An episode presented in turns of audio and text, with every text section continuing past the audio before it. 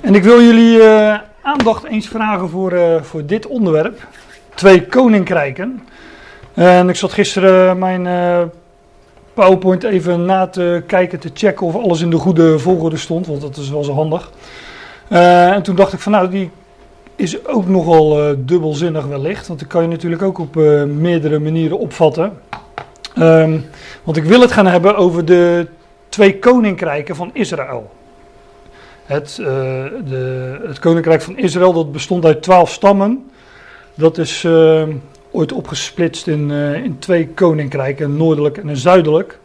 Maar daarover later meer. Maar toen ik het gisteren bekeek, dacht ik van ja, dit zou ook een titel kunnen zijn voor een studie over een, over een verborgen koninkrijk en een geopenbaard koninkrijk. Dat is natuurlijk ook nog, nog een interessante. Maar daarover ga ik het niet hebben. Hoewel dit toch misschien ook wel zijdelings eh, met elkaar te maken heeft. Ehm, maar we gaan gewoon eerst eens. eh, eh, ik, ik, kijk, ik weet dat ik het vaker over dit onderwerp heb gehad. Die twee koninkrijken van Israël. Hè, dat heb ik. ehm, ja, volgens mij in, in een aantal verschillende studies heb ik, heb ik dat wel eens aangehaald. En ook wel dingen van laten zien. maar dat is allemaal wat, wat, wat fragmentarisch. Dus. ehm, ik had zoiets van, nou laat ik dat nou gewoon eens eh, zo goed en kwaad als dat kan in één ochtend. Die dingen eens eh, eh, op een rijtje zetten. Een beetje logisch op een rijtje zetten, hoop ik. De twee koninkrijken van, van Israël. Ehm, ja, het was overigens, ik sprak Therese acht dagen geleden op die conferentie. En toen vroeg ze mij, heb je al een onderwerp voor de volgende week? Meestal durf ik dat acht dagen van tevoren niet te zeggen. Maar eh, toen zei ik inderdaad eh, dit onderwerp. En toen kwam ik maandagochtend op mijn werk. En toen stonden daar allerlei potten met paaseieren op tafel. Die waren ook dezelfde dag nog leeg natuurlijk. Maar eh, ik geef leiding aan een, aan een team met allemaal dames. Dus dan, dan gaat het zo. Dus die vullen die pot op maandag en maandagmiddag zijn ze leeg of dinsdagochtend. En daarna vragen ze zich af van, eh, nou laten we het daar maar niet over hebben. Hoe komt dat nou dat... nee. Dat valt maar. Maar toen dacht ik van, oh, dan moet het bijna Pasen zijn. dus dat, eh, dat heb ik even nagekeken. En dat, het is Pasen, meen ik, eerste paasdag op 21 april. En ehm, ja, toen ben ik eens wat gaan... dus ben ik de, de, de gebeurtenissen rondom de kruisiging en rondom eh, de opstanding eens eh, gaan bestuderen. En toen dacht ik, eh, daar ga ik het over hebben. En dan had ik mooi deze ochtend en de volgende Bijbelstudie over twee weken het over de gebeurtenissen rond de kruisiging kunnen hebben. En dan precies op eerste paasdag over de opstanding en de gebeurtenissen daaromheen. Ehm, ik ga het daar wel over hebben, is, eh, is mijn bedoeling. Alleen, ja, toen ik wat. eh, ik, ik, ik was die geschiedenis aan, geschiedenis aan het bestuderen en toen dacht, toen dacht ik van ja, daar zitten toch ook wel elementen in die hier, eh, hiermee te maken hebben. En dat, dat lijkt wat cryptisch wellicht. En wellicht dat jullie dat niet zo goed voor kunnen stellen, maar dat is toch echt zo. Ik zal een voorbeeldje noemen. Aan het kruis met de Heer Jezus hingen twee anderen, twee misdadigers. Sommigen zeggen overigens vier, daar gaan we het dan wel over hebben. Ehm, maar in ieder geval wordt, worden er twee specifiek benoemd hè, die, die ook iets gezegd hebben, die dingen ge- gezegd hebben aan het kruis. En die ene gekruisigde, lees het maar eens na, die zei precies hetzelfde. Nou, wellicht iets andere woorden, maar de boodschap was precies hetzelfde als de Joden die langs het kruis gingen.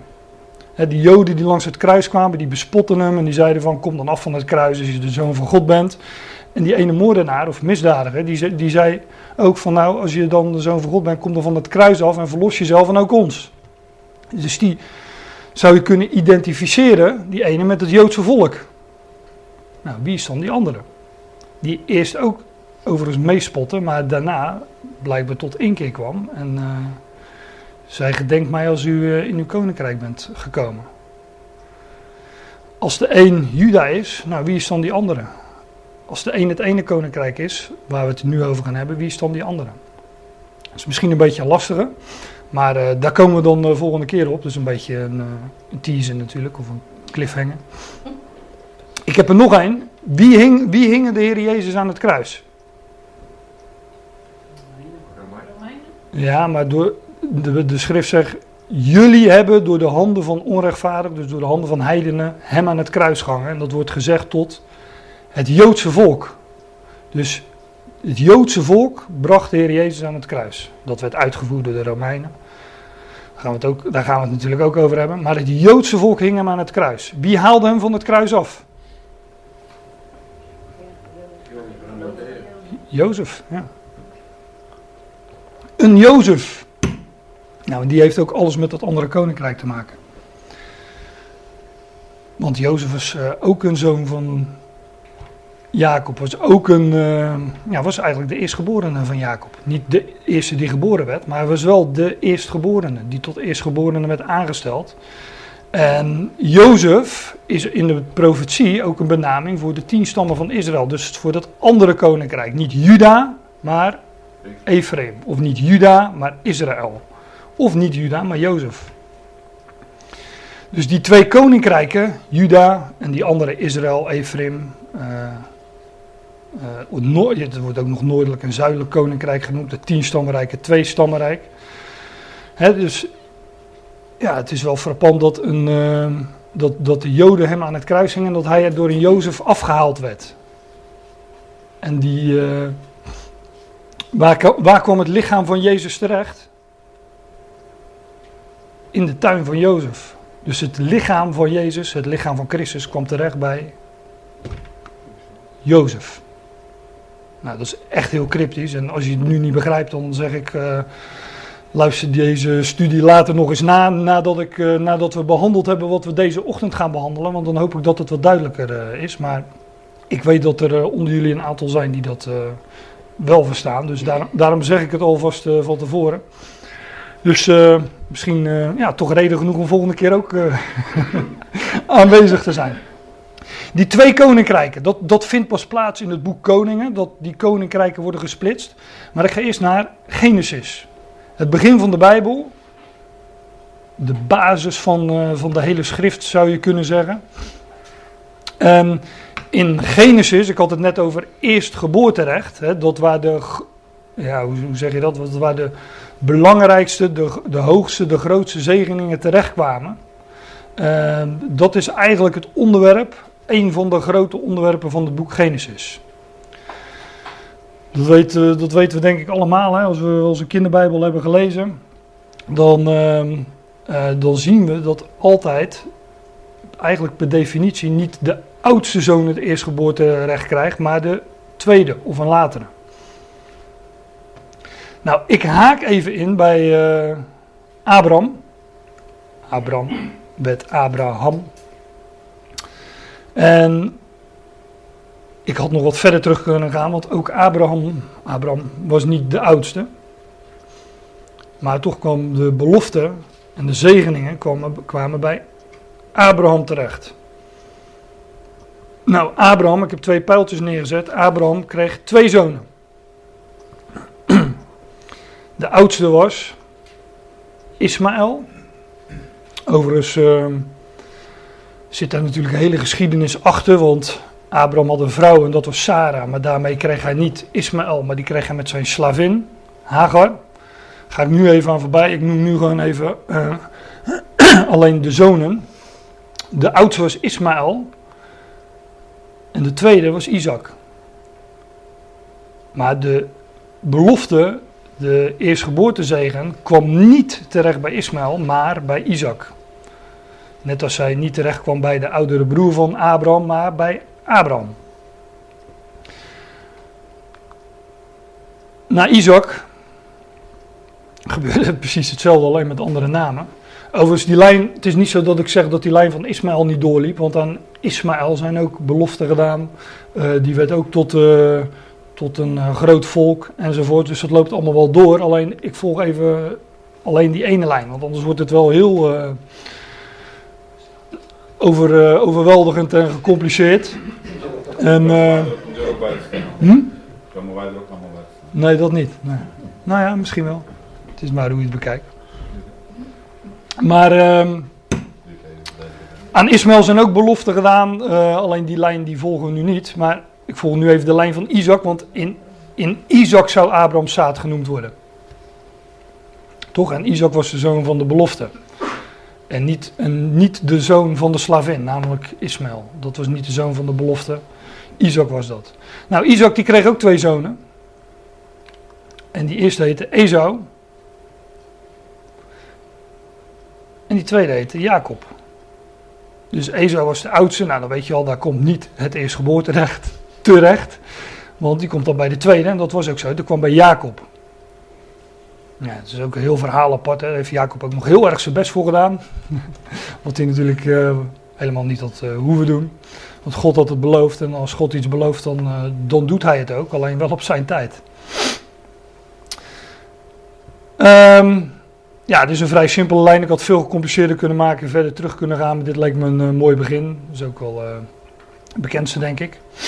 Maar na Jacob wordt het wat gecompliceerder natuurlijk. Want Jacob die, uh, die kreeg geen twee zonen, die kreeg wel wat meer.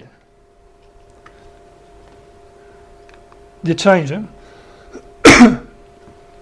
Overigens heb ik dit uh, gisteravond nog zitten veranderen.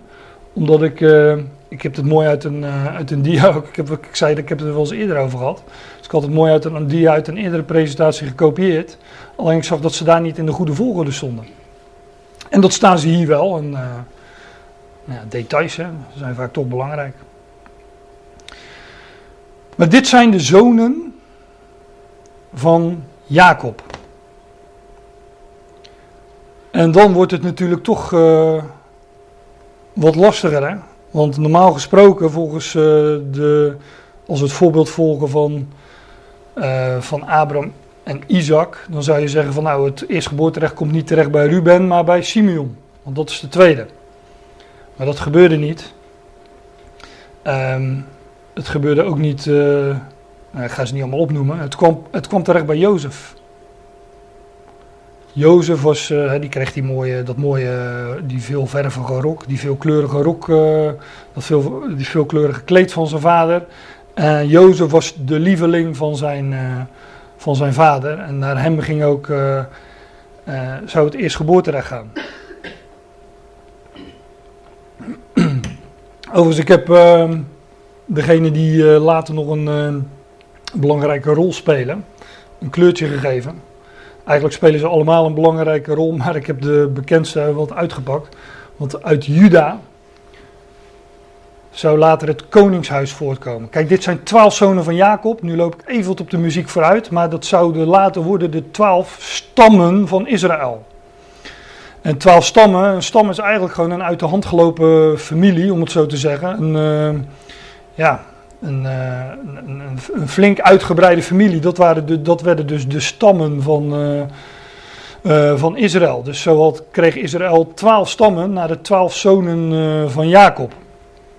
En Juda, uit Juda zou, zou, zou de koning voortkomen. Nou, nog preciezer, uit Juda zou de Messias voortkomen, namelijk Christus. En dat vinden we ook terug in de geboorteregisters, zoals het register in Matthäus 1 in, in het Nieuwe Testament. Levi, de stam Levi, daar ging de hele priesterdienst naartoe. De reden, die, daar ga ik even niet op in, dat is allemaal terug te lezen in, ik meen, Exodus. Maar Levi kreeg, was de, de stam waaruit de priester voortkwam en ook de familie van Aaron was de stam waaruit de hoge priester dat was, voortkwam. Dat was de hoge priesterlijke familie. Ik kom straks nog wel even op terug op dat uh, uh, speciale geval van Levi. Nou, en Jozef, ja, die kreeg het, uh, die kreeg het eerstgeboorterecht. Ik zei al, Jozef is in de profetieën. Daar, ook daar liep ik op de muziek vooruit. Maar Jozef is in de profetieën een, ook een benaming voor de tien stammen van Israël. Dus dat ene koninkrijk van Israël. Maar Jozef, het, het, wordt namelijk, uh, ja, ik zeg niet dat het ingewikkeld is, maar deze dingen die, uh, ik vind eigenlijk dat je ze moet weten, dus daarom hebben we het er ook over. Maar Jozef, die, eh, nou, dat verhaal kennen we allemaal, die werd door zijn broeders verworpen, kwam in een kuil terecht en hij kwam in het buitenland terecht. Natuurlijk is het in de eerste plaats een uitbeelding van de Heer Jezus Christus, die verworpen werd, in de kuil terecht kwam, zoals Daniel in de leeuwenkuil, in de dood namelijk. En in het buitenland een verhoogde positie kreeg. Zoals Christus in onze tijd uh, weliswaar verworpen is door zijn broeders, namelijk door Israël, maar verhoogd, een verhoogde positie gekregen onder de natie in het buitenland. Hij is namelijk het hoofd, dat is de verhoogde positie, dat is een hoge positie. Hij is het hoofd van het lichaam. Maar anders gezegd zou je ook kunnen zeggen dat Jozef een uitbeelding is van. Ik loop weer op de muziek vooruit, maar dat wordt allemaal duidelijk, want ik ga het gewoon laten zien waar het staat in de Bijbel. Jozef is ook een uitbeelding van hoe de tien stammen terechtkwamen in het buitenland, namelijk onder de natie, onder de volkeren. En wat gebeurde daar met uh, die tien stammen? Nou, die waren daar in de gevangenis, net als Jozef. In ballingschap, want ballingschap is in de Bijbel een ander woord voor. Uh, uh, een gevangenis is ook een ander woord voor ballingschap. De tien stammen gingen later in, in, in, in ballingschap naar het buitenland. En daar zijn ze verdwenen. Nou, zo komt Jozef in de gevangenis. Er wordt tot Israël gezegd in de profetieën: Ik zal jullie gevangenis wenden. Of, oftewel, ik zal jullie gevangenis, en dat, daar gaat het over de ballingschap, zal ik omkeren. En het volk zal straks terugverzameld worden naar het land. Nou, Jozef, die, eh, daar, daar zitten dus heel wat uh, ook verborgen betekenissen in. Deze Jozef, want we gaan nu weer naar de letterlijk, letterlijk gewoon naar de, de zoon van Jacob. Deze Jozef krijgt twee zonen. Gelukkig wil wel weer twee, anders wordt het zo ingewikkeld natuurlijk met, eh, met elke twaalf. dus dat sloeg een generatie over en nu komen we gewoon bij twee zonen en dat zijn Manasse en Ephraim. en Manasse en Ephraim, Manasse was de oudste zoon van Jozef. En Ephraim de jongste. Maar dan weten jullie naar wie het eerst geboorterecht ging, toch? Naar wie de grootste zegen ging. Dat ging naar Ephraim. En ook Ephraim is een benaming voor de tien stammen van Israël, namelijk voor het noordelijke koninkrijk. We gaan nu een beetje de tijdlijn volgen van de Bijbel en straks komen we aan bij het moment waarop dat koninkrijk van Israël gesplitst wordt in twee koninkrijken, namelijk Juda en Israël, of Juda en Ephraim. Um, nou, die ik zei zojuist dat Jozef in het buitenland terecht kwam, hè, in Egypte. En Jozef kreeg daar een hoge positie aan het hof van Farao. doordat hij de droom van uh, Farao uh, uitlegde. Kreeg hij een hoge positie in het buitenland. Hij werd onderkoning. Um, en dan lezen we in de geschiedenis dat zijn broers naar hem kwamen omdat er in Israël honger was. Dus zijn broers kwamen naar Egypte toe en nou ja, de hele geschiedenis daaromheen die uh, um, is een geweldig mooie geschiedenis, maar dat sla ik nu even over. Maar op een gegeven moment maakt Jozef zich aan zijn broers bekend.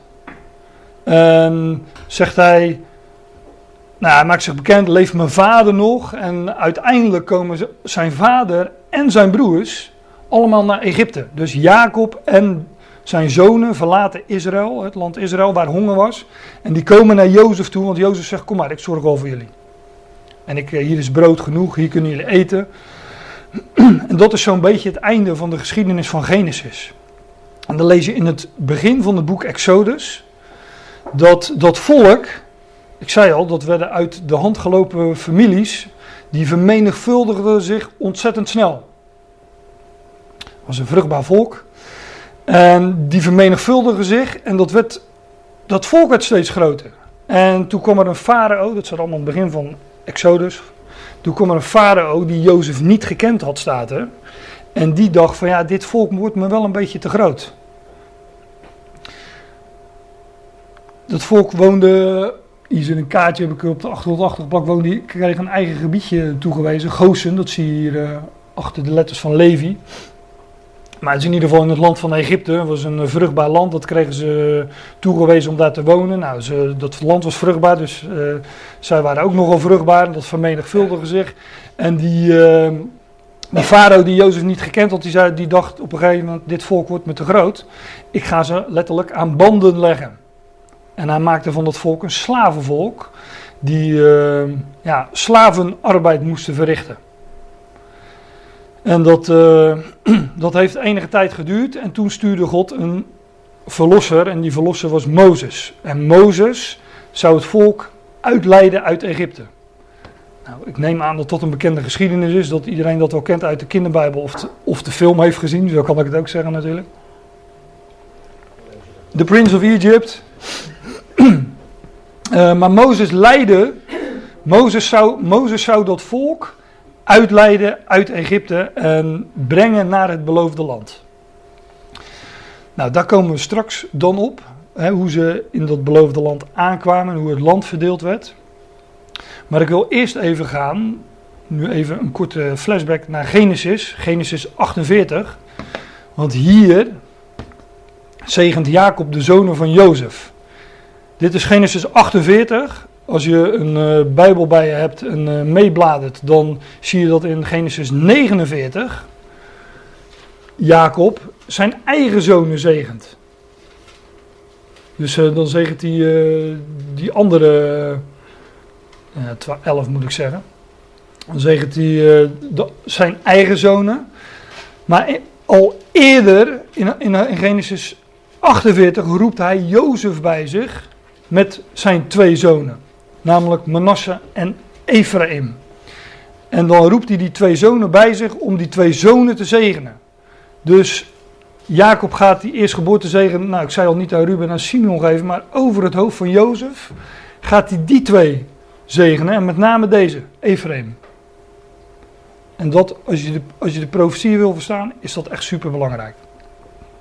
Want hier gebeurt eigenlijk al wat later in de schrift. Uh, ja, hier wordt, hier wordt de kleurplaat neergezet die later in de schrift ingekleurd wordt. Daar, daar, gaat het eigenlijk om.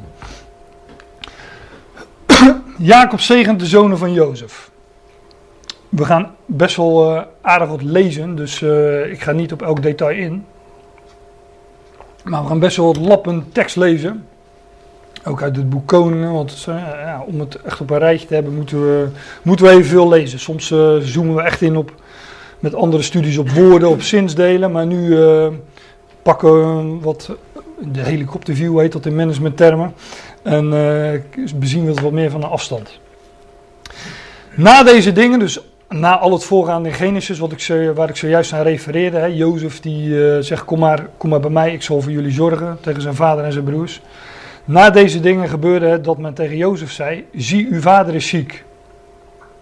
Toen nam hij zijn twee zonen, Manasse en Ephraim, met zich mee.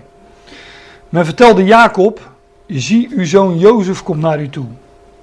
Israël verzamelde toen zijn krachten en ging op, bed, op het bed zitten. Israël is dus een andere benaming voor Jacob. Ik heb ze hier even wat vetter gemaakt. Um, ja, soms de, de grote verdrukking bijvoorbeeld in de toekomst, die over Israël komt, wordt de tijd van benauwdheid van Jacob genoemd. Die namen worden soms wel eens verwisseld, maar in ieder geval zou je kunnen zeggen dat ook Jacob een andere naam kreeg. Hè? Dat, eh, dat zei ik net al van Abraham met Abraham. Jozef kreeg ook een andere naam, die werd uh, door de, de farao Safnat Paneach genoemd. Heeft natuurlijk allemaal ook met wedergeboorte, met nieuw leven te maken. Maar hier, uh, Israël is dus Jacob. En wat uit Israël voortkomt, die twaalf, ja, dat zijn de twaalf stammen van Israël. Nou, daarna zei Jacob tegen Jozef, vers 3.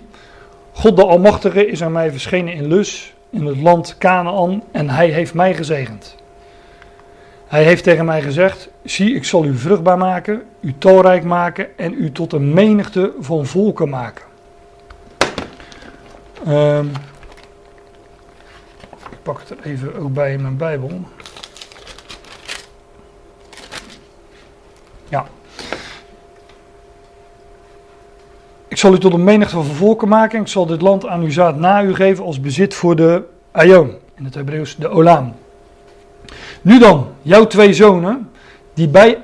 Nu dan, jouw twee zonen die bij jou in het land Egypte geboren zijn, voordat ik bij je in Egypte kwam, voordat ik bij je in Egypte kwam, zijn van mij. Ephraim en Manasse zijn van mij, zegt Jacob. Net als Ruben en Simeon. Wat hij hier dus eigenlijk zegt, is dat er een verwisseling plaatsvindt tussen Ruben en Simeon en Ephraim en Manasse. Want dat gaat, dat, het logische zou geweest dat Ruben uh, of Simeon aangesteld zou worden als eerstgeborene. Dat daar de eerstgeboortezegen naartoe zou gaan, maar dat gebeurt niet. Hij zegt, die wist, die, met mijn eigen woorden zeg ik even, Jacob zegt, ik verwissel ze en ik wissel ze om voor Manasse en Ephraim. Dan sla ik dus wat versen over. En daarna kwam, nam Jozef hen beiden, Ephraim en Manasse dus, Ephraim aan zijn rechterhand voor Israël. Voor Jacob dus was dat links en Manasse aan zijn linkerhand. Voor Israël was dat rechts. Het staat er zo uitgebreid van. Uh, ja, mensen, het is wel even belangrijk, dus uh, dit wordt goed vermeld. Hè, dat het even duidelijk is. Lekker belangrijk zouden wij denken aan welke kant wie, uh, wie zou zitten. Maar het is belangrijk. Zo liet hij hen dichter bij hem komen. Maar Israël, Jacob dus, stak zijn rechterhand uit en legde die op het hoofd van Ephraim.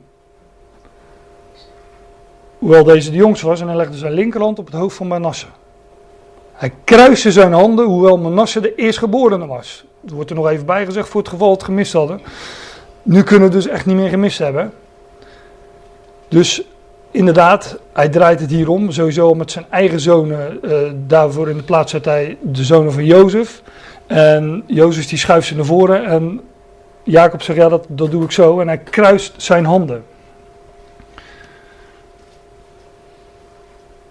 Dus door het kruis, is even een, uh, een, uh, een cryptische uitspraak, door het kruis komt het eerstgeboorterecht terecht bij Ephraim. Dat wordt hier uitgebeeld als je het mij vraagt. Hij kruiste zijn handen, hoewel Manasse de eerstgeborene was. En hij zegende Jozef en zei: De God voor wiens aangezicht mijn vader en Abraham en Isaac gewandeld hebben. De God die mij als herder geleid heeft, mijn leven lang tot op deze dag. De engel die mij verlost heeft van al het kwaad, zegene deze jongens zodat door hen mijn naam genoemd zal blijven. Wat was zijn naam? Israël. Zodat door hen mijn naam genoemd zal blijven en de naam van mijn vaderen Abraham en Isaac. En zij in het midden van het land in menigte zullen toenemen. Degene die meelezen in de Statenvertaling. Er staat, ik heb niet kunnen achterhalen waar ze het vandaan uh, hebben gehaald, de Statenvertalers. Maar het is wel het is wel een leuke.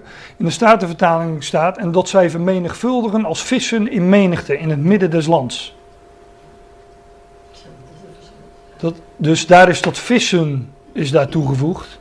En ik, ja, ik heb nagekeken, ik kon, ik kon het zo snel niet achterhalen hoe, hoe men daaraan gekomen is. Misschien een handschriften kwestie, maar ik kon het in de studiebijbel ook niet uh, terugvinden. Maar het zou me niet verbazen als het wel klopt, dat dat vissen er wel uh, moet staan. Want een vis is iets dat zich bevindt in de zee. Maar hier gaat het over het land. Dus het is een, eigenlijk een volstrekt onlogische uitspraak. Dat zij vermenigvuldigen als vissen in menigte in het midden van het land. Dat is, een, dat is een vreemde uitspraak, maar als het een typologische uitspraak is. Ja, de vissen, dat zijn de bewoners van de zee. En de zee staat in de Bijbel voor de volkeren.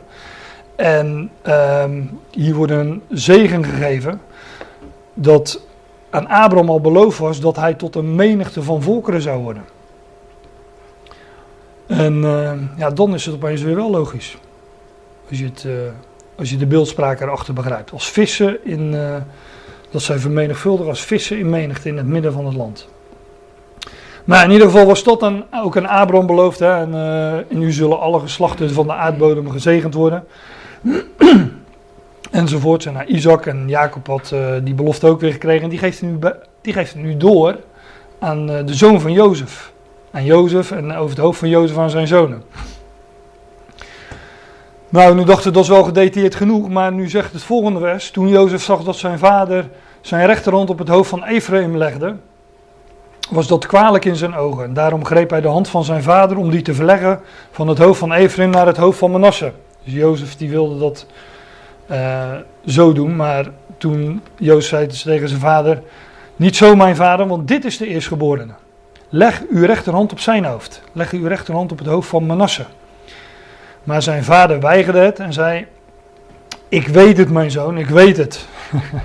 ja, hij wist het intussen wel. Ik bedoel, uh, Bij hem uh, was hetzelfde gebeurd en bij zijn vader en bij zijn grootvader. Dus hij zei, ja, ik weet het, ik weet het, mijn zoon. Nu jij nog. ook, zal, ook, ook hij zal tot een volk worden. Manasse zou ook tot een volk worden. Ook hij zal aanzien krijgen. Maar toch zal zijn jongste broer meer aanzien krijgen dan hij. Ephraim dus. En zijn zaad, zijn nageslacht, zal tot een grote menigte van volken worden. En ik heb de interlineaire erbij geplakt. Er staat dat Ephraim zou worden tot een menigte, een volheid van naties, natieën. Goyim kennen we ook nog, hè? het gooi. De Goyim, dat zijn, dat zijn de heidenvolken. Voor zover ik weet heeft het Hebreeuws twee woorden voor uh, volk, misschien wel meer, maar twee bekende in ieder geval. En die ene is uh, Ami, hè? niet mijn volk is Lo Ami. En uh, de Goyim, ja, dat zijn de naties. Zijn zaad, het zaad van Ephraim, Ephraim zou tot een menigte van volkeren worden. Een volheid van natieën. Ik heb het gewoon even, ik pas het gelijk even aan. Ephraim zou tot een volheid van natieën worden. Dat ene koninkrijk, ik, zou, ja, ik moet af en toe op de muziek vooruit, vooruit grijpen. Op wat ik straks uh, ga, gewoon ga laten zien vanuit het schrift. En ik vertrouw erop dat jullie er al een beetje kennis van hebben, want ik heb het wel eens eerder uh, gezegd. Maar dat koninkrijk van Israël bestond later uit twee koninkrijken, zuidelijk en noordelijk. En dat noordelijke deel was Israël of Ephraim. En dat uh, andere deel, dat zuidelijke, was Juda. En Israël of Ephraim zou, Ephraim zou tot een volheid van natieën worden. Kennen jullie die term, volheid van natieën? tot de volheid hier Ja. Ja, ja, ja, ja. Pa dit is een term die Paulus gebruikt in Romeinen 11. en dat is toch wel uh, opmerkelijk. Kijk, je, je moet je bedenken dat, en dat ga ik straks allemaal laten zien. Ja, we hebben de tijd. Uh, je moet je bedenken dat dat koninkrijk van Israël, dat Juda en Israël, dus twee en tien stammen, of Juda en Ephraim, hoe je het maar wilt noemen, dat wordt, die namen worden verwisseld in de schrift. Maar dat dat noordelijke koninkrijk is in ballingschap gegaan, in Assyrische ballingschap. Juda is overigens ook een keer in ballingschap gegaan. We hebben Daniel besproken in een aantal hoofdstukken. Uh, toen waren ze in Babel. Toen was het koninkrijk van Juda in ballingschap in Babel. Na 70 jaar zijn zij teruggekeerd naar het land. Maar Ephraim, of die tien stammen, of Israël, hoe je het wil noemen, die zijn verdwenen in Assyrische ballingschap en zijn er officieel als geheel nooit meer uit teruggekeerd. Er is nooit gezegd keer maar terug. We vinden wel wat uh, van die andere stammen later in het land terug, maar dat, zijn, dat, dat is slechts een inwoner, uh, van, iemand uit Acer, en, maar dat, dat is heel fragmentarisch. Het, dat overgrote, de overgrote meerderheid is verdwenen onder de natie. Nou, Ephraim zou tot een volheid van natie worden en Paulus heeft het over de volheid van natie. Die haalt die profetie van Jacob, want dat is het, haalt hij aan in Romeinen 11. En dan zegt hij, ik wil niet, broeders, dat jullie onwetend zijn van dit geheimenis, van deze verborgenheid. Opdat u niet wijs zou zijn in eigen oog, bij uzelf, staat in de Statenvertaling geloof ik. Dat er voor een deel verharding over Israël is gekomen. Nou, daar gaat daar, ja, Romeinen 9, 10 en 11 Nee, de hele, dat zeg ik helemaal verkeerd. De hele Romeinenbrief gaat erover hoe redding uh, terechtkwam bij de natieën. Dus hoe het, hoe het Joodse volk terzijde werd gesteld en ook werd verhard. Voor een deel, een heel groot deel. Uh, daar, daar gaat onder andere de Romeinenbrief over. Het, het, het, het, het, het Joodse volk werd verhard, werd terzijde gesteld.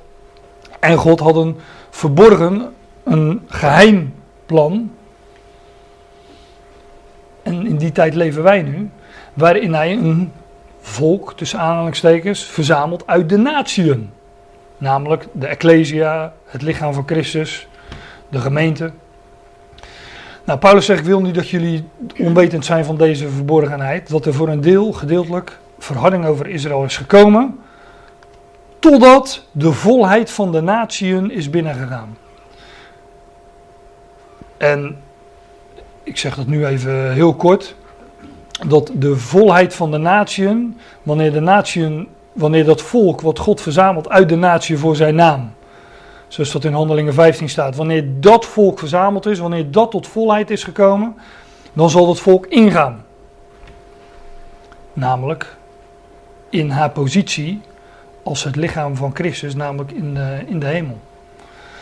Nou, daarover gaat het ook in de brieven van Paulus, maar dat uh, is nu niet het onderwerp. Hij noemt dat even hier heel kort. Dat, en dan zal de verharding over Israël ook voorbij zijn en dan pakt God zijn plan met Israël ook weer op. Dan is deze huishouding van genade, die verborgen huishouding, die altijd, die altijd verborgen was gebleven, is dan voorbij. En zolang die huishouding uh, loopt, draait, hoe zeg je dat? Tot die tijd is Israël verhard. Maar dat is totdat de volheid van de natie zal binnengaan. Maar die, die, die, dit, dit, de volheid van de natie, dat is de term die Jacob gebruikt in zijn zegen aan Ephraim. En hij zegt, Ephraim zal worden tot een volheid van natie. Nou, we weten dat Ephraim later verdween onder de natieën. En dat redding terecht kwam bij de natieën. Dus het werd van Juda afgenomen. En op een verborgen wijze kwam het terecht bij Ephraim, namelijk onder de natie. Alleen Ephraim wordt niet meer Ephraim genoemd. Dat zijn u en ik, hè, Nederlanders, Rotterdammers, uh, Friesen, uh, Engelse Amerikanen, noem het maar. Dat zijn de natieën. Nou, die volheid van de natie, dat is, uh, het Griekse woord is pleroma. Letterlijk betekent dat zoiets als compleetmaking inderdaad, of volheid. Het heeft met, met vullen of volgemaakt uh, te maken. Dus wanneer dat gecompleteerd is, wanneer dat vervuld is, Gods plan met de natie, dan zullen de natie binnengaan en zal, uh, ja, dan, tot die tijd zal Israël verhard zijn. Nou, dat is een, een, een plaatje van onze tijd. Een beschrijving van onze tijd. Israël verhard terzijde gesteld en God doet de werk onder de natie. Nou, we waren dus bij die zegeningen van Jacob aan Ephraim, de zoon van Jozef. Ephraim, de zoon van Jozef, ja. Um, er zijn meer zonen van Jozef in de Bijbel. Maar dan komen we, ik zei al, daarna trok het volk Israël Oeps. Daarna trok het volk Israël, uh, dat, dat was in het land, dat groeide, groeide, werd een slavenvolk in Egypte. En daarna trok het onder leiding van Mozes en, en Aaron, trok, trok het uit Egypte naar het beloofde land. En dat beloofde land, hoe, hoe men dat uh, innam, dat uh, wordt beschreven in, uh, in het boek Jozua. En um, nou ja, er worden die stammen, die twaalf stammen van Israël, want dat zijn het inmiddels, hè, dat zijn geen zonen meer, ook geen families, maar inmiddels stammen. Die twaalf stammen van Israël, die worden dan verdeeld in het beloofde land. Nou, daar hebben we hier een kaartje van. Um, als je nou al deze namen er uh, langs gaat leggen, dan, dan mis je er twee. Want Jozef zijn erfdeel ging naar zijn zonen. Nou, dat hebben we net gelezen, hè? die werden gezegend, Manasse en Ephraim. Dus dat is Ephraim en dat is uh, Manasse. En Levi, dat noemde ik net al even, Levi werd de priesterlijke stam. Dus Levi kreeg geen eigen gebied toegewezen. Er staat in de schrift, ze kregen geen erfdeel in het land, geen lotsdeel, want Jaweh, de Heer zelf, was hun lotsdeel. Dus wat die levieten ehm, wel kregen, waren zij, waren verantwoordelijk voor de priesterlijke dienst. Dus uh, het was ook praktisch gezien handig dat zij echt onder het volk woonden. Dus zij kregen allemaal uh, steden het volk. Nu staan hier heel veel steden op. Dat zouden zomaar de Levitische steden kunnen zijn. Dat, dat weet ik niet eens. Maar ze kregen over heel het land verdeeld steden. Ik geloof iets van eh, 38 geloof ik. Eh, ik weet het niet precies. Eh, en nog zes eh, vrijsteden. Dat, eh, nou, dat is ook een verhaal apart, maar daar hebben we het...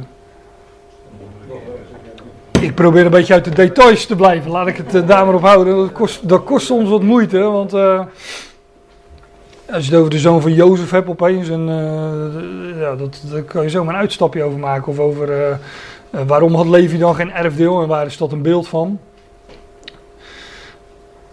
Ze hadden geen erfdeel in het land. Nee, ze hadden een andere positie. De Heer was hun erfdeel. Nou, denk daar maar eens over na. En ze, en ze waren priesters. Ze stonden in dienst van God. Denk daar maar eens over na. Ehm, we gaan gewoon verder in de geschiedenis, want dit was hoe het land ingenomen werd en hoe het land verdeeld werd. Het is allemaal netjes beschreven in Jozua met de, de grenzen erbij. nou, dan maak ik een sprongetje in de tijd. En dan ga ik naar de tijd dat Israël een koninkrijk werd. Want eh, onder Mozes en, eh, en later eh, de hele richtere periode, die kennen we natuurlijk ook, die sla ik over. Ehm, en Ehm, op een gegeven moment werd daar eh, een, kwam er een koningshuis in Israël. Hè. Daar werd eerst Saul voor eh, aangesteld als koning. Maar dat, eh, hoe zeg je dat? Ik wou zeggen dat was geen blijvertje, maar dat is iets te populair wellicht. Dat, dat was geen blijvend koningschap. En toen werd het koningshuis van, toen werd David aangesteld en aan David werd de belofte gedaan van David. jou- jouw koningshuis zal onder voorwaarden, zeg ik tussen haakjes, bestaan tot in de Aion en er zal altijd iemand op de troon blijven zitten. Nou, dit is Israël ten tijde van koning David. En eh Saul ook staat hier. Dus, eh, nou, Saul werd terzijde gesteld en David werd aangesteld. Ik gebruik expressietermen. Ehm en toen, toen was dit het koninkrijk van Israël. Ehm, er staat in 2 Samuel 5 vers 5 voor degenen die dat eens willen zoeken. eh, David regeerde zeven jaar over, eh, over Juda. En 33 jaar, of zeven jaar en zes maanden. En 33 jaar over alle twaalf stammen van Israël. Dus onder David werd het koninkrijk, alle twaalf stammen van Israël werden verenigd tot één koninkrijk. Het Verenigd Koninkrijk Ja, van Israël. United Kingdom of Israël. Nee, voordat ik. eh, ik zei het Verenigd Koninkrijk van Israël, voordat ik mailtjes krijg over je bent een British Israël eh, aanhanger, want dat bestaat ook nog. Hè. Ehm, dit, dit is Israël ten tijde van, eh, van, van koning David. Nou, God deed beloften, een belofte aan David en Salomo. Die gaan we gewoon even lezen. En u, wanneer u, dit, dit wordt tegen Salomo gezegd, ik sla dat van David even over, want eh, aan Salomo wordt het gewoon herhaald. En u, wanneer u voor mijn aangezicht wandelt, Salomo, zoals uw vader David met een volkomen hart en in oprechtheid gewandeld heeft, door te handelen overeenkomstig alles wat ik u geboden heb, en u mijn verordeningen en bepalingen in acht neemt, dan zal ik de troon van uw koningschap over Israël tot in de Aion, tot de Aion bevestigen. Er zal altijd iemand blijven zitten op de troon van eh, David, was de belofte. Zoals ik met betrekking tot uw vader David gesproken heb. Het zal u niet ontbreken aan een man op de troon van Israël. Dat was aan David beloofd en werd hier, hier herhaald aan de zoon van David. Ook weer zo'n dubbelzinnige term. De zoon van David, namelijk Salomo. Ja, en toen eh, ging het mis, zou je naar menselijke maatstaven kunnen zeggen. Want Salomo bleef niet trouw aan God. En dat lezen we maar gewoon even. Koning Salomo had veel uitheemse vrouwen lief. En dat naast de dochter van, van de farao. Moabitische. De dochter van farao was zijn eigen vrouw overigens. Maar had er nog, eh, had er nog 999. Moabitische, Ammonitische, Edomitische, Sidonitische en Hethitische vrouwen.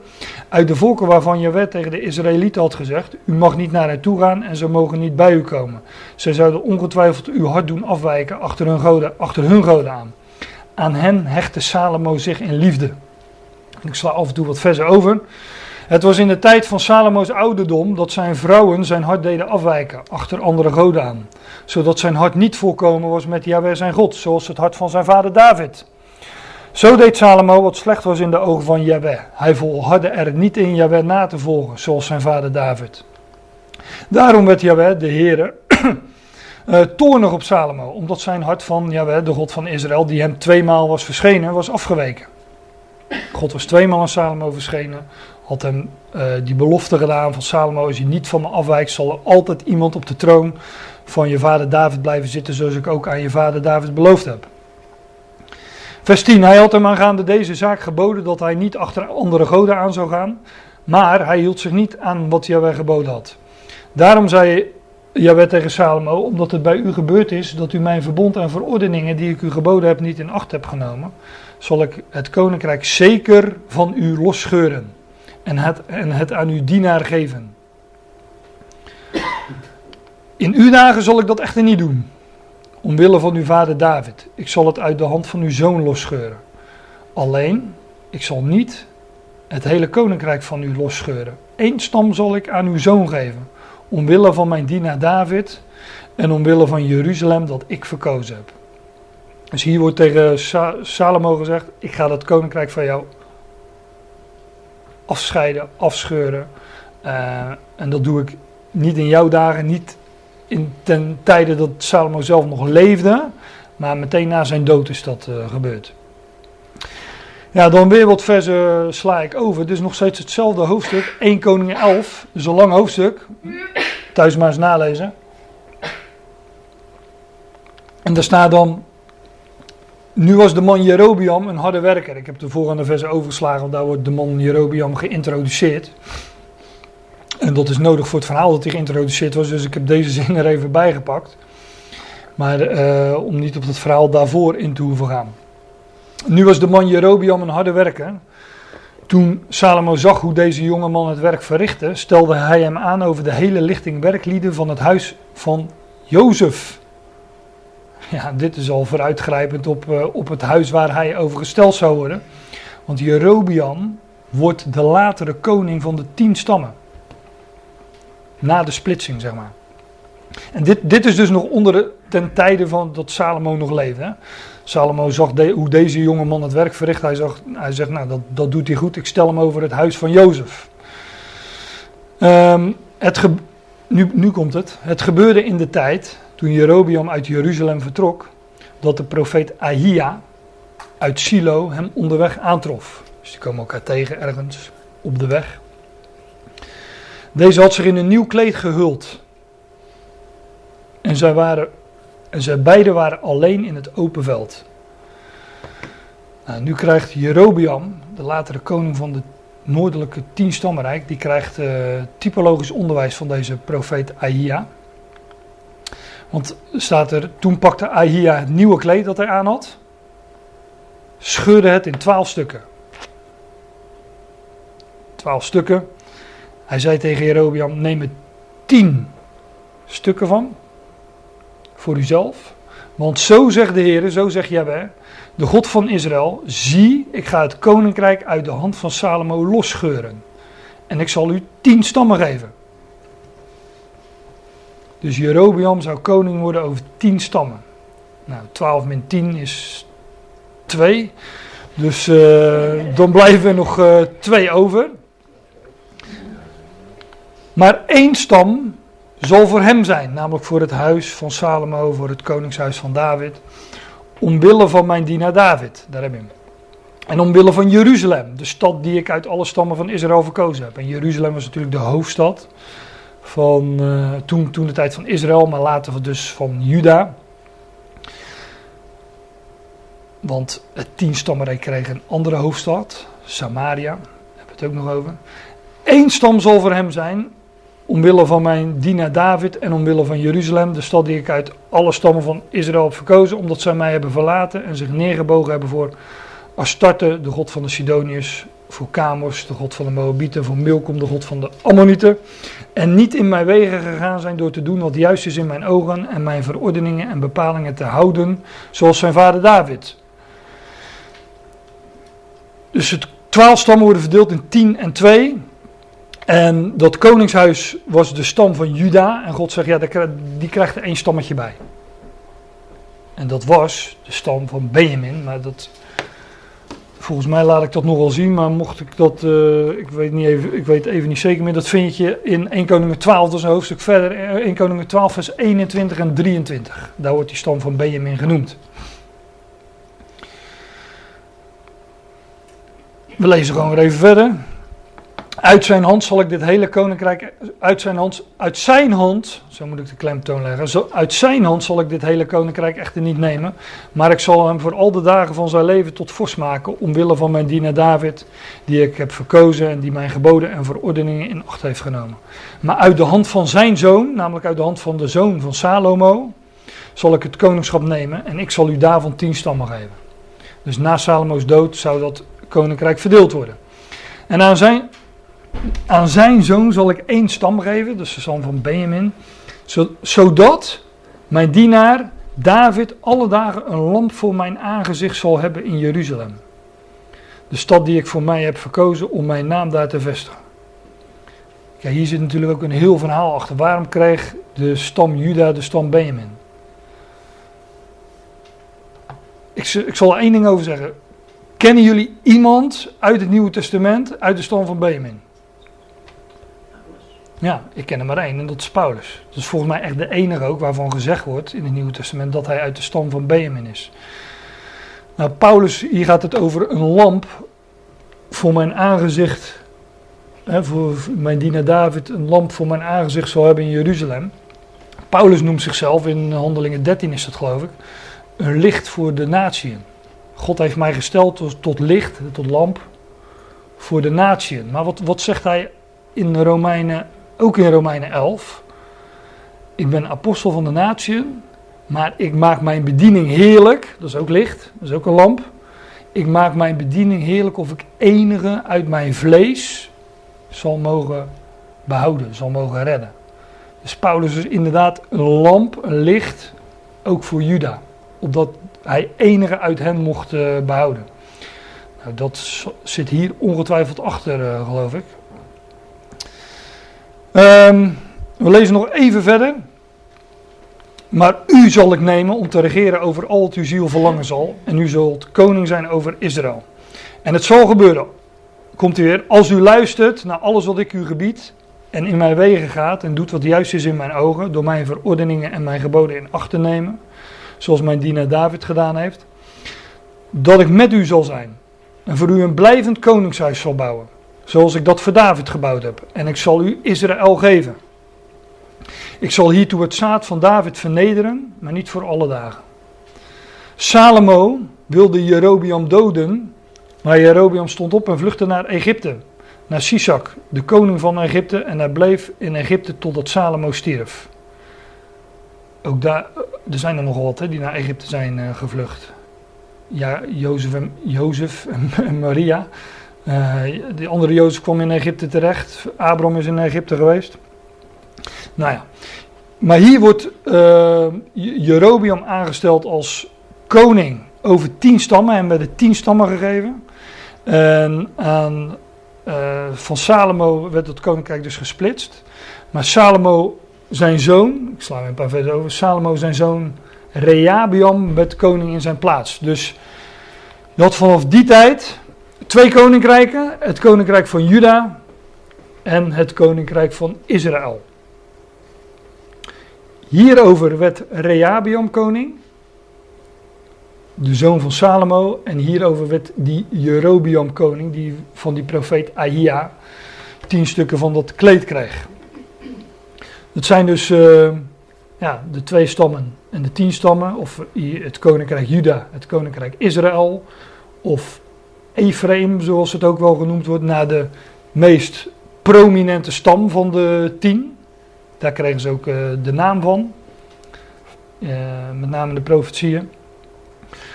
Ja, en uh, dus die Benjamin en Juda, dit was hun, hun gebied. En die andere tien, die, die kwamen hier terecht. Nou, het lijkt me goed om even koffie te gaan drinken voordat we uh, gaan lezen ook. Hoe dit koninkrijk werd beëindigd. Ik heb al een paar keer op die uh, muziek vooruitgelopen, zoals ik al zei. Maar nu gaan we het ook gewoon uh, ook even lezen. Alleen dat doen we wel na een een bak koffie en, eh, en wat lekkers. Wij waren hier gebleven bij eh, deze dia met het eh tien stammenrijk en eh, het twee stammenrijk waarin, eh, waarin dat koninkrijk van Israël van twaalf stammen in eerste instantie dus eh, werd verdeeld. En ik had al aangegeven dat eh, dit koninkrijk Juda, hè, dat lezen we in het boek Daniel, dat dat eh, in ballingschap is geweest, 70 jaren en daarna weer teruggekeerd. Ehm, maar al eerder vinden we beschreven dat dit koninkrijk, het koninkrijk Israël, Ephraim, eh, dat dat beëindigd werd. En eh, dat, eh, nou dat, daar gaan we gewoon even naartoe. Dat is in eh 2 Koningen 17. Ik heb de kopjes van de herziene statenvertaling er, eh, erboven laten staan. Ik denk dat is wel zo makkelijk, we weten alvast waar het over gaat. In het... mijn stem heeft ook pauze gehad. In het twaalfde jaar van Agos, de koning van Juda, werd Hosea, de zoon van Ela, koning over Israël in Samaria en hij regeerde negen jaar. Samaria is de hoofdstad van het tienstammenrijk van ja, Israël dus. En Jeruzalem was de hoofdstad van Juda. Hij deed wat slecht of kwaad was in de ogen van Jahweh. hè, Dat is het terugkerende refrein. Hij deed wat kwaad was in de ogen des Heren. Alleen niet zoals de koningen van Israël die er voor hem geweest waren.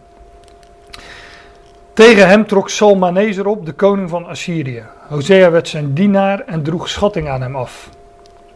Overigens, ehm, je leest in die boeken van koningen, zowel van het koninkrijk van Juda als van het koninkrijk van, eh, van Israël.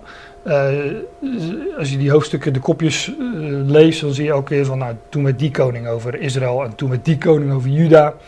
Ehm, van alle twintig koningen in, die koning zijn geweest over het koninkrijk van Israël, lees je, hij deed, hij deed wat kwaad was in de ogen des Heren.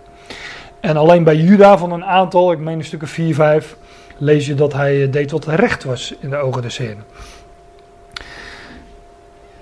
Nou, daarom, eh, omdat zij, omdat al die koningen van, wat ook aan Jerobeam was beloofd, hè, dat als hij eh, God zou dienen, als hij Jahweh zou dienen, dan zou zijn troon bevestigd worden. Nou, dat, eh, daar heeft Jero, de eerste heeft zich, die, die als eerste koning van het koninkrijk, heeft daar, zich daarom niets van aangetrokken. En die, eh, ehm, hij dacht, ja, in Jeruzalem hebben ze een, een tempel, laat ik ehm, eh, in twee plaatsen een, ja, een afgod neerzetten, zodat wij ook eh, onze eigen afgodstempel dan eh, dus hebben. Maar al die koningen van dat koninkrijk van Israël deden wat kwaad was in de ogen des Heren, zoals dat er dan staat. En nou ja, dat trekt Salmaneser op, de koning van Assyrië. Hosea werd zijn dienaar en droeg schatting, is belasting, aan hem af. Maar toen de koning van Assyrië een samenzwering bij Hosea ontdekte, schakelde hij de belastingdienst in. Namelijk dat deze bode had gestuurd had naar So, de koning van Egypte, en dat hij de schatting aan de koning van Assyrië niet als tevoren van jaar tot jaar afdroeg. nam de koning van Assyrië hem gevangen en sloot hij hem op in de gevangenis. Want ja, belasting moet betaald worden natuurlijk. Dus eh, als wij belasting ontduiken komen ook, eh, overkomt ons hetzelfde natuurlijk. Dus dat is al heel oud. Vervolgens trok de koning van Assyrië het hele land door. Hij trok ook op naar Samaria, de hoofdstad van het tienstammenrijk. En belegerde het drie jaar. Nou, dan wordt Samaria ingenomen en dan lees je in vers 6. In het negende jaar van Hosea nam de koning van Assyrië Samaria in en voerde Israël, dus dat hele rijk, dat tienstammenrijk, dat noordelijke rijk, voerde Israël eh, weg naar, naar Assyrië. Dus zij gingen in Assyrische ballingschap. Dat land werd, ja, ze werden gewoon als, eh, als volk eh, daar uitgedeporteerd. Hij liet hem wonen, hier ben ik, hij liet hem wonen in Halla en in Habor aan de rivier Gozan en in de steden van Medië. Dit gebeurde omdat de Israëlieten gezondigd hadden tegen Yahweh hun God, die hen uit het land Egypte geleid had, onder de hand van Farao vandaan, de koning van Egypte. Zij hadden andere goden vereerd en hadden gewandeld overeenkomstig de verordeningen van de heidenvolken, die Yahweh van voor de ogen van de Israëlieten verdreven had. De koningen van Israël hadden die uitgevaardigd. De Israëlieten hadden dingen bedacht die niet juist zijn tegenover Yahweh hun God. Zij hadden in al hun steden offerhoogte voor zich gebouwd, van de wachttoren af tot de versterkte steden toe. Nou, en daarom werd dat koninkrijk van Israël weggevoerd naar eh, Assyrië. En verdween daar in ballingschap. En dat eh, ziet er dan ongeveer zo uit op een eh, kaartje. Hier is Sama dit is Samaria, de hoofdstad van het tienstammenrijk. Dit is Jeruzalem, de hoofdstad van het tweestammenrijk. Nou, dit koninkrijk werd, die men, dat, dat werd gedeporteerd naar, eh, ja, naar dit eh, Assyrische rijk. En zoals Daniel en, en, en eh, zijn ehm, eh, volksgenoten hun identiteit bewaarden in Babel en Joden bleven, zo, zo, zo gebeurde het juist met Israël, dat het in Assyrië verdween, oploste onder de volkeren. Assimileerde heet dat met een duur woord. Dus het hele koninkrijk van Israël, dat verdween gewoon. Die mensen werden weggevoerd, die kwamen onder de natie terecht, ze vermengden zich daar. En ja, eh, op een gegeven moment waren, waren zij geen eh, Israëlieten meer. Ze waren hun identiteit kwijt. Weg. Ik lees nog even verder in 2 Koningen 7. Hey, dit is gewoon een herhaling van eh, wat we al eerder gelezen hebben. Hij schudde Israël namelijk los van het huis van David. En zo maakte Jerobiam, de zoon van Nebat, koning. Jerobiam dreef Israël van achter Jahweh vandaan. Dat was dus de eerste koning van dat tienstammenrijk. En deed hen een grote zonde bedrijven. De Israëlieten wandelden overeenkomstig alle zonden van Jerobiam die hij gedaan had. Zij weken daar niet van af. Totdat Jahweh Israël van zijn aangezicht wegdeed. Zoals hij gesproken had door de dienst van al zijn dienaren, de profeten. Zo werd Israël in ballingschap uit zijn land weggevoerd naar Syrië. Tot op deze dag. Dat is natuurlijk tot op de dag dat dat geschreven is. Maar je zou nog steeds kunnen zeggen tot op deze dag. Want dat, dat is nooit meer omgekeerd. Dat volk, die, dat, dat tienstammenrijk is niet teruggekeerd naar het land. Ja, weet je, eh, er zijn altijd uitzonderingen. Eentje die, die, tussen de mazen van eh, dat net eh, doorgegaan is. Ik bedoel, als je een heel land leegtrekt, dan blijft er allicht blijven er een paar achter. Maar het volk als volk is gewoon weggevoerd in Assyrische ballingschap en daar verdwenen. En waarom is dat nou zo belangrijk? Nou, in het Nieuwe Testament. ehm, nee, dat, daar, hebben, daar hebben we het straks over. Dat, eh, dat parkeer ik nog even.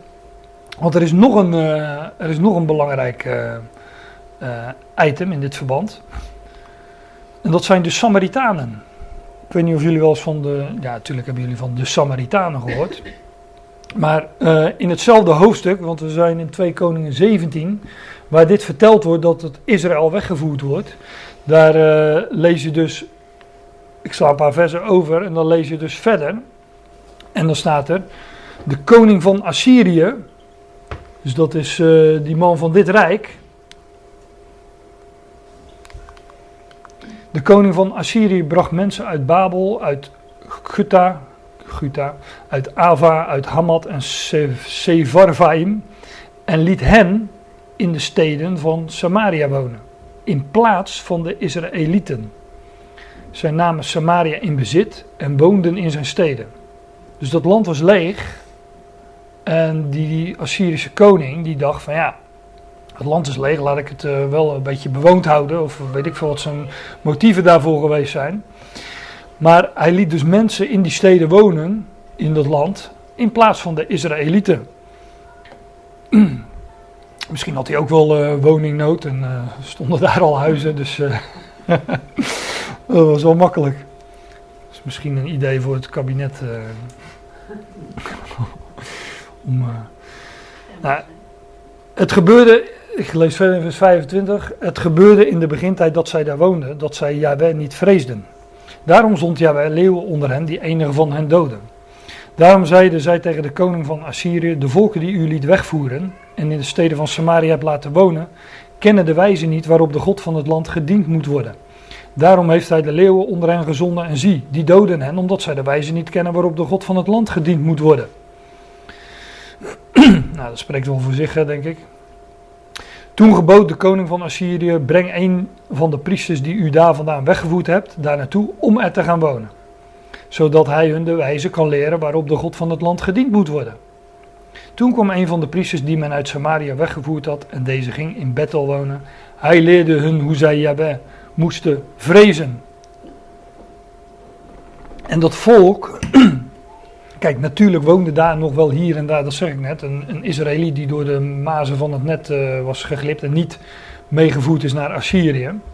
En die koning van Assyrië die stuurde daar eh, mensen uit zijn eigen rijk naartoe. En dus gebeurde het dat op die plek waar die tien stammen ooit gewoond hebben, dat heidenen zich gingen vermengen met die paar Israëlieten die er nog wonen. En dat er een soort bastaardvolk ontstond. En dat zijn de Samaritanen.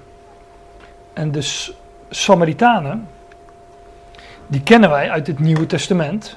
Dan zijn we weer een stuk verder in de tijd, de tijd waarin Jezus geboren werd. Eh, en dan lees je in de evangelie lees je over Samaritanen. En die Samaritanen, dit, dit is eh, ja, een, een kaartje van, het, eh, van, dat, van dat deel dan van, eh, van intussen het Romeinse Rijk. En dit zijn dan Romeinse provincies. Hè. Juda was gewoon Judea gebleven. Alle, ja, dit, dit gebied van die tien stammen, dat was ingenomen door, ja, daar woonden nu Samaritanen. En dat was een, een bastaardvolk, heidenen vermengd met, met wat Israëlieten. En daarom hadden de Joden ook zo de pest aan die eh Samaritanen. Omdat het bastaarden waren. Ze hadden ook eh, inmiddels, eh, maar dat, dat lazen we al, dat ze, hij leerde hun hoe zij Yahweh moesten vrezen. ja, die Samaritanen hadden ook hun eigen godsdienst. Ik ga er nu niet over uitweiden, maar zoek het maar eens op op, op Wikipedia. Want volgens mij bestaan ze nog steeds, die Samaritanen. Een paar honderd, meen ik. Maar die vrouw vraagt het ook in, Johannes 4 of zo, aan de Heer Jezus. Ga ik zo heen, kijk. Moeten we dan bidden. En ook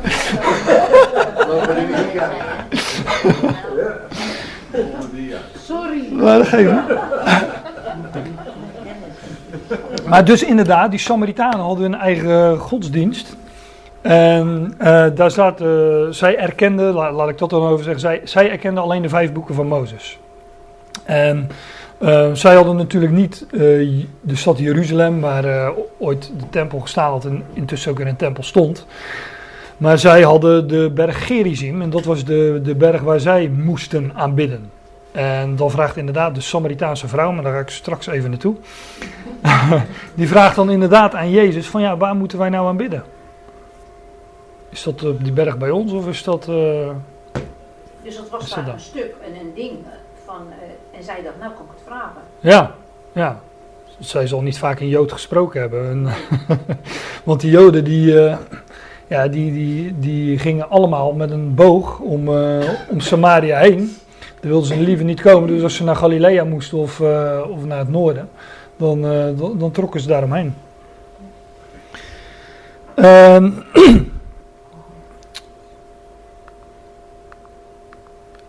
even kijken, is dat ver terug?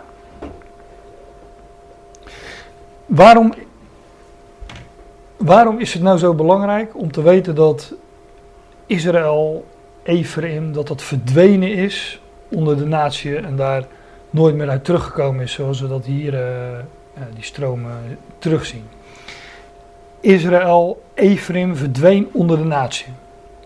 Nou, ik had, ik had honderdduizend eh, voorbeelden natuurlijk eh, kunnen aanhalen. Ik heb, ik heb er straks een paar waarvan ik er net al een liet zien eh, over Samaria. Maar kijk, dit moet ik gewoon even kort samenvatten. Want dat, deze boodschap kennen we allemaal. We weten dat uit de, eigenlijk al in de evangelie, dat Jezus verworpen werd.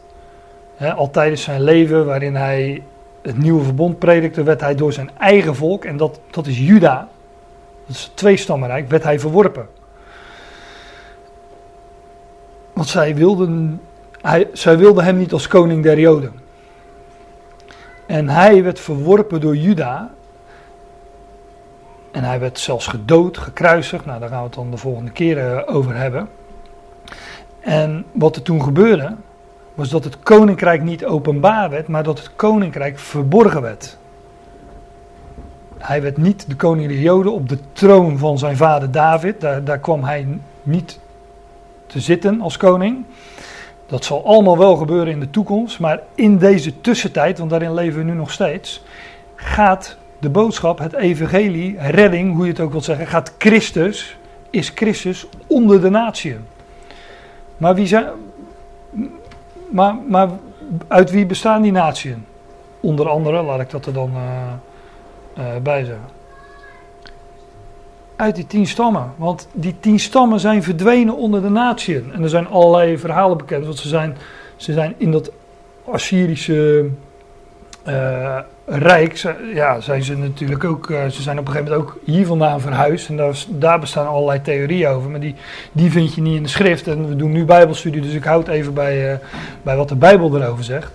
Maar men, men zegt dan in de ongewijde geschiedenis dat die, dat die, die, uh, dat die Israëlieten dan, die inmiddels geen Israëlieten meer waren, dat het ook, ja, het zou tot een menigte van volkeren worden, was, tot, uh, was de zegen van Jacob aan Ephraim.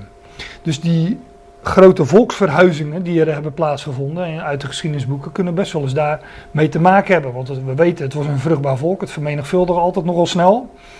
Nou, dat zal, in, uh, zal daarna wellicht ook gebeurd zijn. En um, ja, zo zijn die volkeren op uh, andere plaatsen op aarde terechtgekomen. En toen dus het evangelie, toen redding naar de natie ging, kwam het dus alsnog terecht op een verborgen manier bij Ephraim. Bij de tien stammen. Alleen, die heten geen Israël meer, die heten geen Ephraim meer, maar die heten, ja, weet ik veel hoe die heten, dat is verborgen. Dat kunnen Friesen zijn, dat kunnen uh, Engelse Amerikanen, eh, noem het allemaal maar op uh, zijn. Dat is ook meestal de hoek waarin men dat zo ongeveer zoekt. Maar toen, God had belofte gedaan aan, e aan Ephraim. Hij had de eerstgeboortezegen gekregen. Maar op een, op een gegeven moment lees je dus in de Bijbelse geschiedenis dat, dat Ephraim verdween onder de natie. Nou, wat, wat is er dan met die belofte gebeurd? Nou, dat kwam alsnog bij Ephraim terecht. Alleen Ephraim heet geen Ephraim meer. En het kwam alsnog bij Israël terecht. Maar Israël heet geen Israël meer. Maar het heet nu uh, ja, Goyim, natieën, volkeren. Dus Gods belofte wordt vervuld. Alleen ja, wel op een, uh, een hele speciale en verborgen, verborgen wijze. Dus daarom is het ook belangrijk om, uh, om dit te weten. Het is geen hobbyisme of zo van van mij of van anderen. Maar ja, je, je moet het weten. Nou, in de typologie vind je het namelijk uh, toch best wel vaak terug als je eenmaal je ogen ervoor geopend zijn. Um, ja, en de Samaritanen nemen dus eigenlijk ook de plaats van die tien stammen in in de Bijbel. En die tien stammen, ik zeg altijd, dat zijn, wat zijn er nou? Zijn het nou heiden of Israëlieten, die tien stammen? Is eigenlijk net als Ephraim. Zijn dat nou heiden of Israëlieten? Nou, dat waren Israëlieten, maar nu zijn het natieën, heidenen. Van die Samaritanen kan je precies hetzelfde zeggen. Zijn dat nou, dat zijn Joden die zich, wat, uh, nee Joden is niet goed. Dat zijn Israëlieten die zich vermengd hebben met wat heidenen. Dus zijn het nou heidenen of zijn het Israëlieten? Nou, als het heidenen zijn, dan hebben ze wel een beetje een... Uh, Israëlitisch uh, luchtje. Er zit, zit toch een luchtje aan dan. Dus die Samaritanen, dat, zijn, ja, dat is een, uh, een bastaardvolk, maar zo zullen Joden christenen ook zien. Niet alle Joden. maar maar dus, de Samaritanen zijn dus, nou ja, een uitbeelding. Ze, ze hebben de plek ingenomen van die tien stammen, letterlijk. Maar ze zijn daarmee dus ook een uitbeelding van Gods werk onder de natie in deze tijd van de gemeente, zo u wilt. Nou, dit hebben we gelezen. Dit is het kaartje. En nu wil ik nog uh, een paar voorbeelden noemen. En dat, daar ga ik wel een beetje snel doorheen. Ik had bijvoorbeeld, uh, we hebben hier wel eens de gelijkenis van de verloren zoon besproken. Een zeker mens had twee zonen. Nou, wie zijn die zonen? Die ene bleef altijd bij zijn vader, die is nooit weggegaan. Dat is Juda. En die andere dan, die vertrok en die, die kwam uh, onder de varkens terecht, om het zo even te zeggen. Ja, die, die at varkensvoer en hij hoede varkens. En, uh, er, staat, er zijn nog veel meer details. Die hebben we hier wel eens besproken. Nou ja, dat is gewoon een beeld van Ephraim, dat onder de natie terecht kwam. En op zeker moment aan zichzelf bekend zal worden. Nou, dat is één voorbeeld. Da daarover hebben we het dus zelfs gehad hier. Dus die heb ik er nu, uh, nu niet meer bij zitten. Maar eh, speciaal voor Leni gaan we naar Johannes 4. Ja, je wist het gisteren al. Ja, toevallig wel, ja. ja. Maar in, eh, in Johannes 4, dat is de geschiedenis van de, eh, de Samaritaanse vrouw, een Samaritaan dus. Ja, en die geschiedenis die bestaat uit een heel lang gesprek met, eh, tussen Jezus en deze vrouw. En nou, Leni noemde daar, net al iets van, hè, die discussie over die, eh, hè, waar, waar moeten wij aan bidden. Daar, daar ga ik echt helemaal aan voorbij, aan heel dat gesprek. Is interessant genoeg, maar het, volgens mij heeft het eh, hoofdstuk, nou, het is in ieder geval een lang hoofdstuk, laat ik het daar maar op houden. Ehm, en ik wil er een paar dingen uitpikken in verband met, met ons onderwerp. 54 versen heeft het hoofdstuk, dus eh, wil je dat vanmiddag nog eens eh, nalezen, dan eh, heb je wat te doen. Ja, dit wordt zo ingeleid. Toen nu de Heer merkte dat de fariseeën gehoord hadden dat Jezus meer discipelen maakte en doopte dan Johannes, hoewel Jezus zelf niet doopte, maar zijn discipelen, verliet hij Judea en vertrok hij naar Galilea. Oké. En hij moest door Samaria gaan. Nou, dat moest helemaal niet, want de gewoonte was om dat juist niet te doen. Meestal ging men eromheen, zoals ik net liet zien op het kaartje. Maar hij moest door Samaria gaan en dat moest hij vanwege de betekenis. En omdat hij die vrouw daar moest spreken. Hij kwam dan bij een. Dit ook, hè? Dat bevestigt natuurlijk alleen maar waar het over gaat. Hij kwam dan bij een stad in Samaria, Sigar genoemd. Dat is Sichem, Sigar. De stad van de belofte ook, van de aartsvaders. Abraham, Isaac, Jacob. Dicht bij het stuk grond dat Jacob zijn zoon Jozef gegeven had. Dus hier komen we op grondgebied van Jozef. En Jozef, ik zei al, dat is in de profetieën soms de benaming voor, nou ja, dus de vader van Ephraim. Dus eh, eh, het huis van Jozef, ja, dat staat ook voor die tien stammen.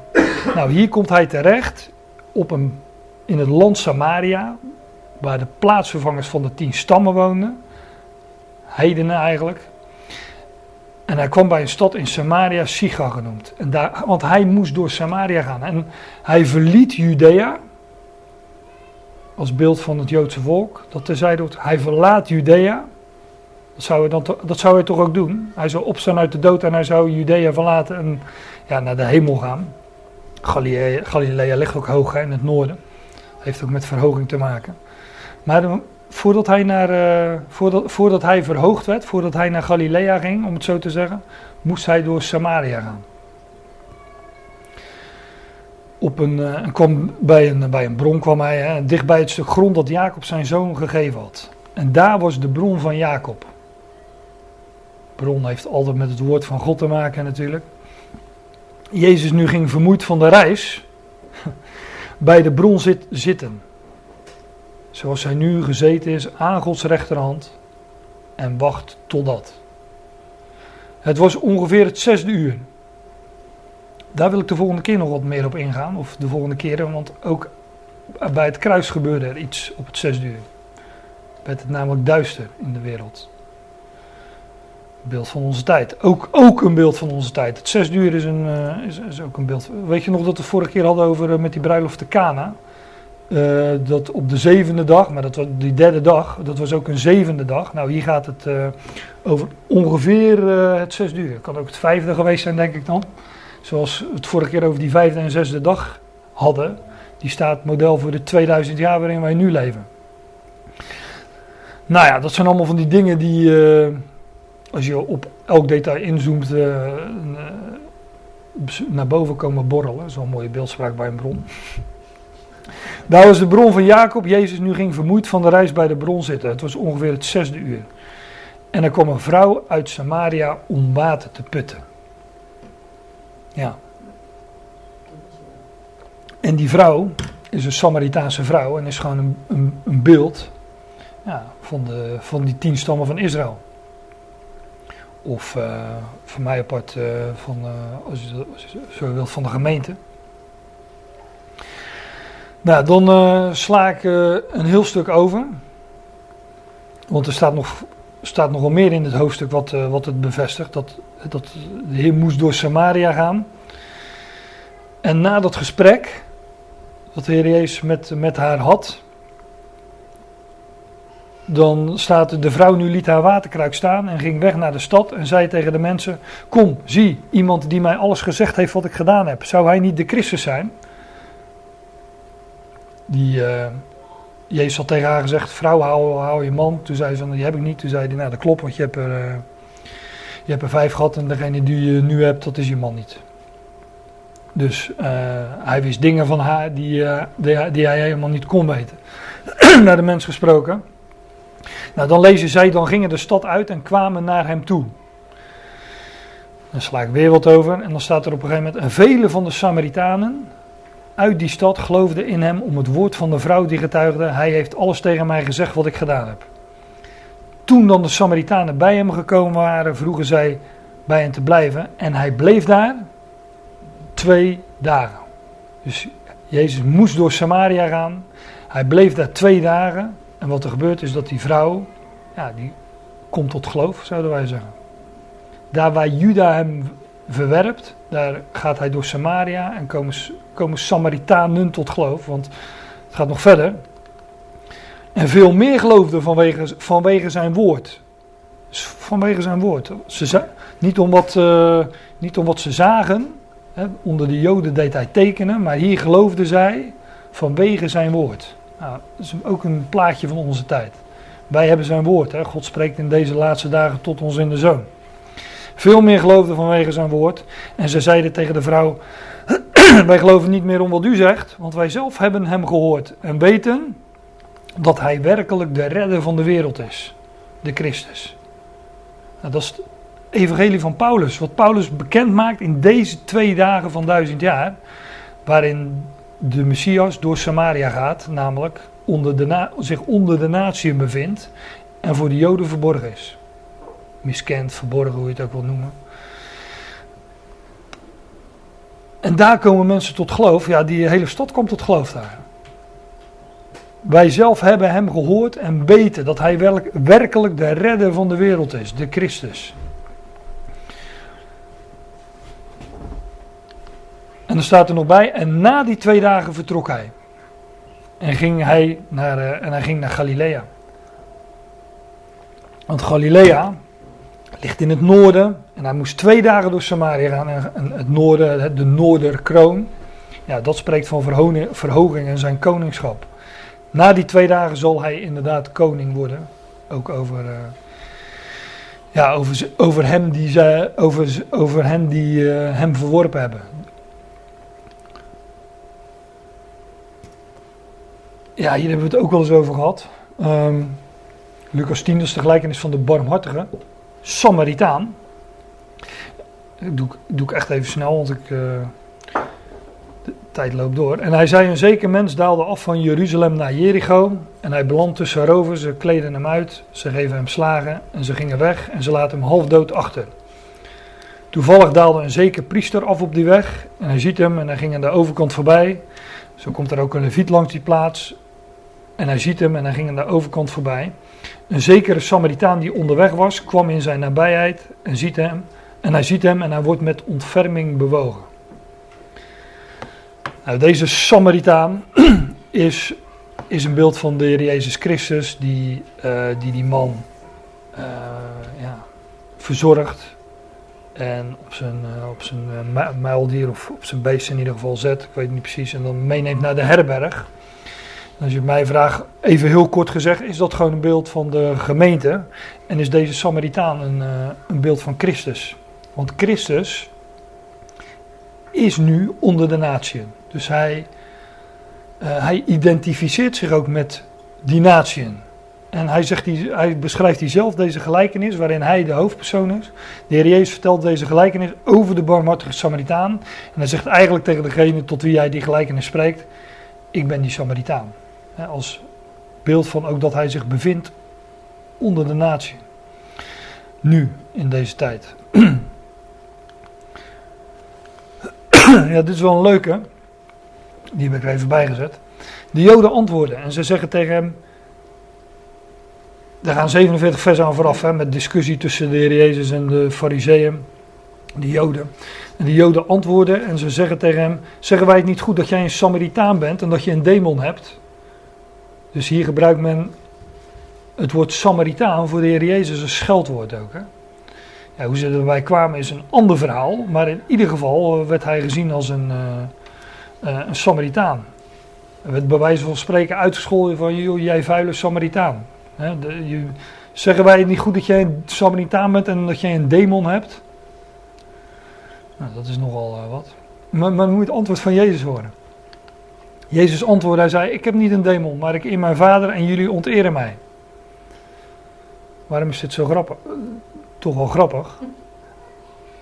De heer Jezus die ontkent dat hij een demon heeft, maar hij ontkent niet dat hij een Samaritaan is. Want dat was hij bij wijze van spreken ook. Ja, hij was gesproten uit Juda enzovoort. Maar ja, hij, bevond, hij, hij, wist dat hij verworpen zou worden en zich zou, uh, zou terechtkomen, inderdaad, onder de natie. En dat wordt in, in die geschiedenis in de evangelie al uitgebeeld. Ja, de Heer Jezus sluit zich daar dan ook gewoon bij aan, bij dat, uh, bij dat taalgebruik. En ja, hij vertelde zelf die gelijkenis al van de barmhartige Samaritaan. Ja, en dat uh, ligt er heel dik bovenop. Dat hij die uh, Samaritaan is. Nou, ik heb er nog eentje. Lucas 17. Um, en hij, Jezus, komt een zeker dorp binnen. En tien Melaatse mannen gaan hem tegemoet. En zij blijven van verre staan. Tien Melaatse mannen. Nou, dat. Uh, in eerste instantie, uh, de tien, dat, dat is. Zeker in het verband waarin we het nu bezien. Is het eerste waaraan je denkt zijn die tien stammen. En ze blijven van verre staan. Dat is ook een, uh, ook een benaming. En jullie die verre zijn, dat is, dat is ook een benaming voor zij die zich uh, buiten het Joodse land begeven. Tussen, onder de natie. Jezus komt er zeker door binnen en tien Melaatse mannen gaan hem tegemoet. En melaatsheid is een, ja, dat is een verschrikkelijke ziekte aan het vlees. Net als de zonde. Die huist ook in het vlees, om zo te zeggen. Ja, daar, is, daar is melaatsheid dus ook een beeld van van zonde. Tien Melaatse mannen gaan hem tegemoet en zij, blijven, en zij blijven van verre staan. En ze heffen hun stem op en ze zeggen: Jezus, meester, ontferm je over ons. En hij ziet hen en hij zei tegen hen: Ga heen, laat jezelf aan de priesters zien. En het gebeurde in hun, in hun heen gaan dat zij gereinigd werden. Dus die tien worden ergens in hun heen gaan. Ze stonden van verre, maar ergens in hun heen gaan worden ze gereinigd.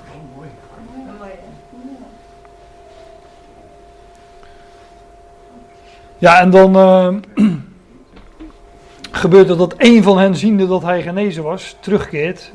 En hij verheerlijkt God met luide stem. En hij valt op zijn aangezicht voor zijn voeten en hij bedankt hem. En hij was een Samaritaan. Ja.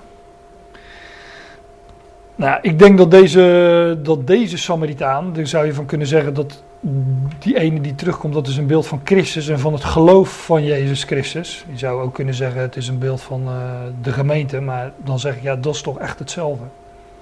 He, want wij behoren tot de Christus, wij zijn zijn lichaam. Ja, en uh, nou ja, daar valt natuurlijk veel meer over te zeggen, maar deze paar dingen wilde ik daar even uithalen. En als je dan verder leest, staat er, en toen hem door de fariseeën gevraagd werd wanneer het koninkrijk van God zou komen, antwoordde hij hun en zei: Het koninkrijk van God komt niet op waarneembare wijze. Niet, op, niet zichtbaar. En men zal niet zeggen: zie hier of zie daar, want het koninkrijk God is binnenin u. Wat de Heer zegt, is dat als die fariseeën dat aan hem vragen: van wanneer het koninkrijk zou komen, zegt hij: Het koninkrijk dat uh, komt niet openbaar. Dat koninkrijk wordt verborgen. Nou, dat is. En daarvoor lees je, die, je over die verborgenheden.